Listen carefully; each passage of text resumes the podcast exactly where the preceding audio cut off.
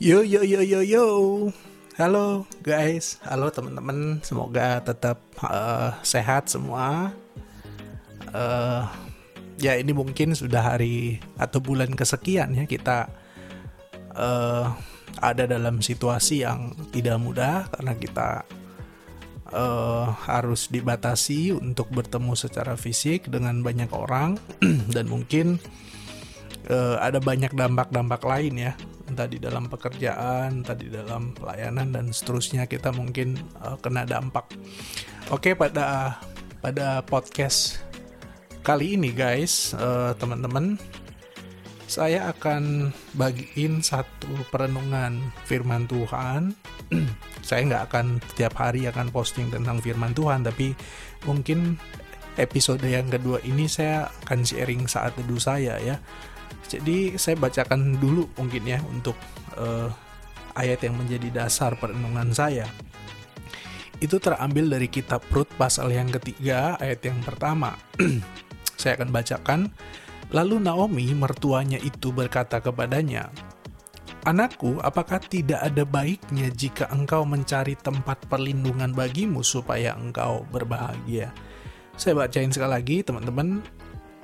Lalu Naomi mertuanya itu, mertuanya Ruth maksudnya berkata kepadanya kepada Ruth, Anakku, apakah tidak ada baiknya jika engkau mencari tempat perlindungan bagimu supaya engkau berbahagia? Uh, teman-teman, saya melihat dari satu ayat ini uh, ada dua hal yang menarik yang saya secara pribadi renungkan di dalam saat teduh uh, saya uh, pagi tadi, gitu ya. Yang pertama adalah tentang tempat perlindungan, gitu ya. Tadi di ayatnya Naomi memberikan usulan kepada Ruth uh, menantunya. Apakah tidak ada baiknya jika engkau mencari tempat perlindungan bagimu supaya engkau berbahagia? Ya tempat perlindungan di sini tentu bukan bicara sebuah space atau sebuah room gitu ya tempat perlindungan, tetapi uh, kita harus mengerti konteks waktu itu tempat perlindungan di sini maksudnya adalah seorang suami. Nah, teman-teman Ruth pada waktu itu janda gitu ya, karena dia menikah dengan anaknya Naomi dan ternyata waktu di Moab anaknya itu meninggal. Jadi kita tahu ceritanya akhirnya uh, Naomi ini balik lagi ke ke daerah asalnya ke Yerusalem tapi kemudian Ruth yang sebenarnya bukan orang Yahudi, dia orang Moab, dia seorang perempuan Moab, itu tetap menunjukkan kasihnya gitu ya kepada mertuanya ini dan dia tetap mau ada bersama-sama dengan Naomi. Nah, teman-teman janda dalam budaya waktu itu itu adalah kelompok orang yang lemah. Mereka sering dapat ketidakadilan gitu ya dan memang ya semua orang tahu pada waktu itu bahwa yang namanya janda itu butuh perlindungan. Nah, seperti yang tadi saya katakan, yang dimaksud tempat perlindungan di sini adalah seorang suami. Sehingga di sini kita tahu memang salah satu peranan seorang suami bagi istrinya adalah sebagai pelindung, sebagai protektor gitu ya. Tapi saya mau uh, jelasin sedikit. Kadang-kadang kita berpikir gitu ya, uh, peranan ini sebagai suami sebagai uh, sebagai uh, pelindung bagi uh, istrinya itu saya sih berpikir uh, jangan sampai kita berpikir bahwa di dalam kenyataannya bahwa perempuan itu Tuhan ciptakan sebagai ciptaan yang lemah. Sehingga secara default kita memahami bahwa yang namanya perempuan itu adalah ciptaan yang lemah, nggak juga gitu ya. Saya uh, melihat kenapa dalam hal ini janda gitu ya atau wanita-wanita uh, pada umumnya gitu ya itu perlu dilindungi karena memang kita harus akui kita hidup di tengah dunia yang berdosa sehingga entah sengaja atau tidak mereka yang punya power teman-teman baik itu jabatan baik itu pengaruh gitu ya baik itu kekayaan dan lain sebagainya itu selalu punya tendensi. Saya tidak mengatakan semua orang yang kaya semua orang yang punya jabatan itu akan melukai ya, tetapi kecenderungannya orang-orang yang punya power akan punya tendensi kecenderungan untuk melukai, untuk merendahkan, bahkan mengeksploitasi mereka yang tidak punya kekuatan. Sehingga dalam kondisi demikian, mereka yang lemah, yang tidak punya kekuatan memang harus dilindungi. Nah, saya cukup saya mikir-mikir gitu ya praktisnya apa ya nah saya pikir praktisnya buat para lelaki nih ya baik yang sudah menjadi suami atau belum menjadi suami saya kira kita harus mengerti salah satu peranan yang harus kita jalani dalam hidup kita adalah menjadi pelindung bagi mereka-mereka yang memang mendapatkan perlakuan tidak adil gitu ya bagi mereka-mereka yang mungkin merasa hidup mereka tidak aman karena banyak ancaman dan seterusnya. Nah, secara praktis karena saya melayani di persekutuan mahasiswa gitu ya. Itu sudah sering tuh dulu gitu ya waktu zaman-zaman kita belum physical distancing gitu ya. Kadang-kadang selesai rapat, selesai latihan, dan selesai aktivitas pelayanan itu bisa sampai sore atau sampai malam. Nah, saya pikir harusnya cowok-cowok nih, laki-laki yang ada di PMK, bagaimana bisa menerapkan perenungan yang pertama saya tadi, bagaimana kita menjadi orang-orang yang peduli, care.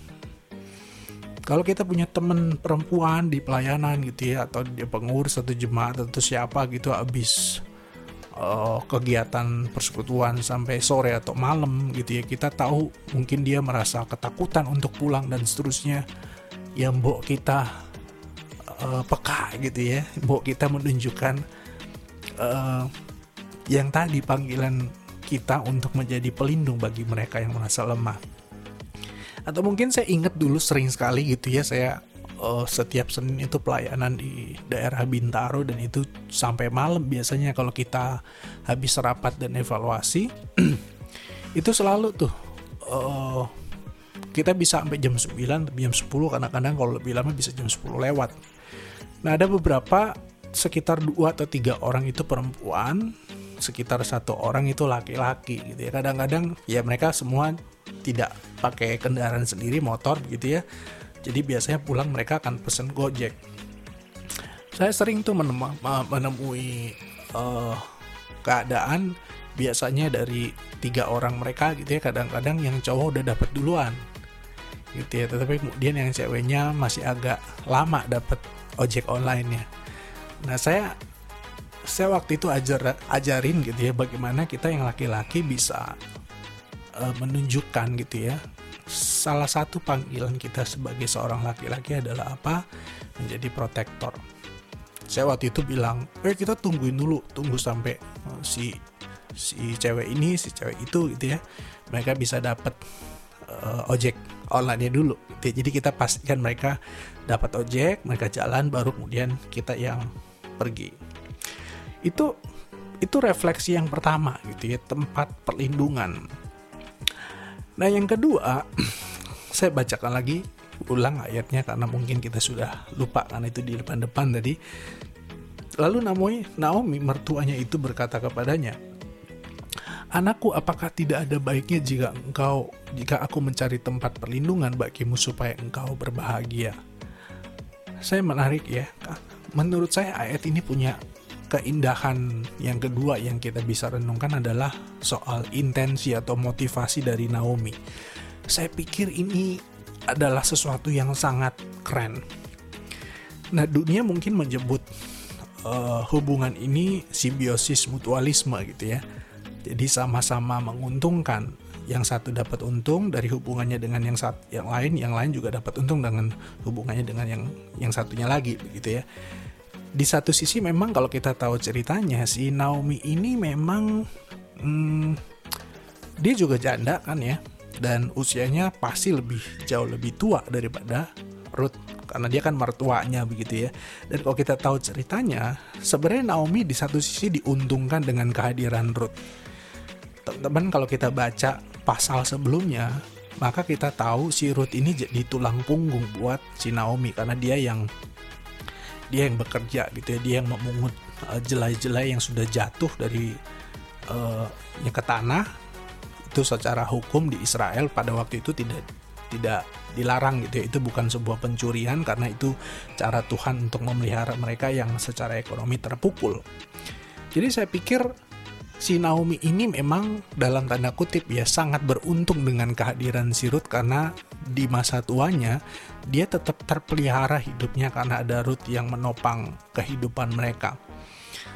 Mungkin kita berpikir kalau uh, apa namanya mungkin saja kebaikan Naomi tadi ketika dia menawarkan bukannya baik ya kalau aku mencarikan engkau tempat uh, perlindungan gitu ya itu mungkin seperti kayak simbiosis mutualisme gitu ya. Jadi Ruth sudah baik sama Naomi maka sekarang Naomi punya kewajiban untuk baik juga kepada Ruth. Apakah seperti itu? Nah saya saya merenungkan nampaknya tidak gitu ya. Nampaknya tidak. Tindakan Naomi ini menurut saya bukan simbiosis mutualisme. Tindakan Naomi ketika dia menawarkan bukankah baik kalau aku mencarikan bagimu tempat pelindungan itu pasti karena didasari oleh satu kasih yang sangat tulus. Jadi saya berandai-andai begini teman-teman. Seandainya pun Ruth tidak melakukan tindakan yang berguna bagi Naomi gitu ya dengan mencari nafkah buat uh, Naomi supaya dia tetap hidup saya kira Ruth tetap akan men, eh saya kira Naomi akan tetap menunjukkan hal yang sama kepedulian kasih dan perhatiannya kepada Ruth menantunya ini. Kenapa saya menyimpulkan seperti itu? Teman-teman kalau kita sedikit tahu bahwa konteks kitab Ruth gitu ya itu adalah di zaman hakim-hakim Salah satu tema yang sangat kuat dalam kitab Hakim-Hakim adalah bagaimana setiap orang berlaku berlaku sesukanya, berbuat apa pun yang mereka pandang benar. Jadi kebenaran yang sangat subjektif. Nah, kalau kita perhatikan atau kita pernah mempelajari kitab Hakim-Hakim, kita akan tahu mulai dari pasal 1 sampai pasal 24 yang terakhir itu kecenderungan manusia untuk berbuat menurut apa yang dipandang benar itu makin lama makin jahat, makin lama makin jahat, makin lama makin jahat. Jadi sifatnya eskalatif, makin lama makin parah, makin lama makin jahat dan seterusnya. Sehingga saya pikir penulis kitab Ruth ini ketika menuliskan cerita antara Naomi dan Ruth, dia sebenarnya sedang dalam tanda kutip gitu ya, ini tafsiran saya, dia sedang memberikan sebuah antitesis gitu ya dari keadaan zaman dan dunia yang sangat egois dan mementingkan diri sendiri dan menganggap diri yang paling benar ada juga loh cerita-cerita kecil gitu ya dari kehidupan Naomi dan Ruth dua janda yang sangat tidak diperhitungkan pada waktu itu yang menunjukkan kasih dan kepedulian. Ketika dunia sangat egois sangat mementingkan diri sendiri kita diperlihatkan oleh cerita kecil ada loh orang yang mementingkan bukan dirinya sendiri tetapi orang lain. Dan saya pikir ini menjadi sebuah cerita yang memberikan kepada kita satu apa ya, satu satu oase gitu ya di tengah padang gurun pasir yang sangat kering gitu ya. Kadang-kadang kita sangat bergumul teman-teman di tengah dunia yang sangat kacau, sangat egois, sangat jahat, mungkin gak sih tetap ada kebaikan di sekitar kita gitu ya? Kalau mungkin kita hidup di tengah dunia yang kayaknya udah pasti kayak begitu mungkin gak sih ada yang bukan begitu gitu ya? Ini saya pikir jadi satu hal yang menarik. Dan kebaikan perhatian dari Naomi kepada menantunya Ruth saya pikir itu menjadi anti antitesis gitu ya dari kisah pada umumnya yang terjadi pada waktu itu ketika begitu banyak orang yang sangat egois. Saya juga bukan orang yang sudah sangat uh, bisa lepas gitu ya dari dari semangat untuk mementingkan diri sendiri. Saya juga sangat bergumul. Tapi saya berharap gitu ya saya berdoa bahwa uh, apa yang saya coba bagikan dalam perenungan saya pada episode kali ini juga bisa menjadi berkat bagi kita. Kita belajar untuk tidak menjadi orang yang egois, sebaliknya kita menjadi orang yang mementingkan kepentingan orang lain di tengah dunia yang sangat mementingkan kepentingan dirinya sendiri. Oke, sekian podcast kita pada kali ini. Kita berjumpa di episode yang akan datang. See you.